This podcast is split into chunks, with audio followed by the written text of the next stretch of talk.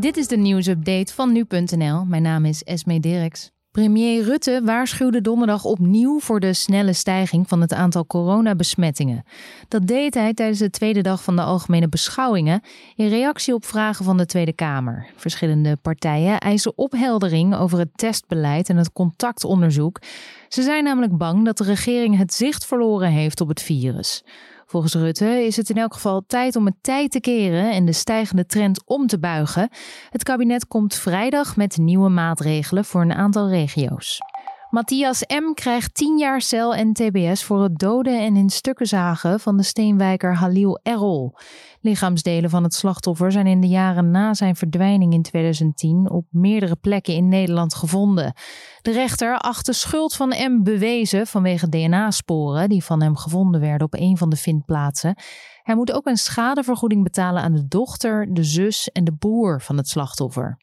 Het Russische oppositielid Alexei Navalny was mogelijk al vergiftigd voordat hij in Rusland aan boord van een vliegtuig ging. Het team van Navalny meldt op zijn Instagram-pagina dat er sporen van gif zijn aangetroffen op een waterfles uit zijn hotelkamer. Eerder werd gedacht dat het in een kop thee zat op het vliegveld. Alle spullen die in zijn hotelkamer lagen zijn overgedragen aan Duitsland voor een nader onderzoek. De wolf heeft zich ook gevestigd in Drenthe en zal dat binnenkort mogelijk ook officieel in Noord-Brabant doen. Als een wolf zes maanden achtereen in eenzelfde gebied is, wordt er gesproken van vestiging. Het is uh, niet precies duidelijk in welk Drents gebied, maar er zijn de afgelopen zes maanden genoeg sporen van het roofdier gevonden om te concluderen dat het dier daar blijft.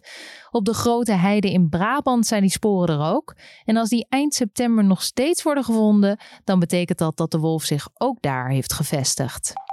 Bezoekers van een nationaal park in Thailand krijgen binnenkort een pakket met hun eigen afval thuis bezorgd.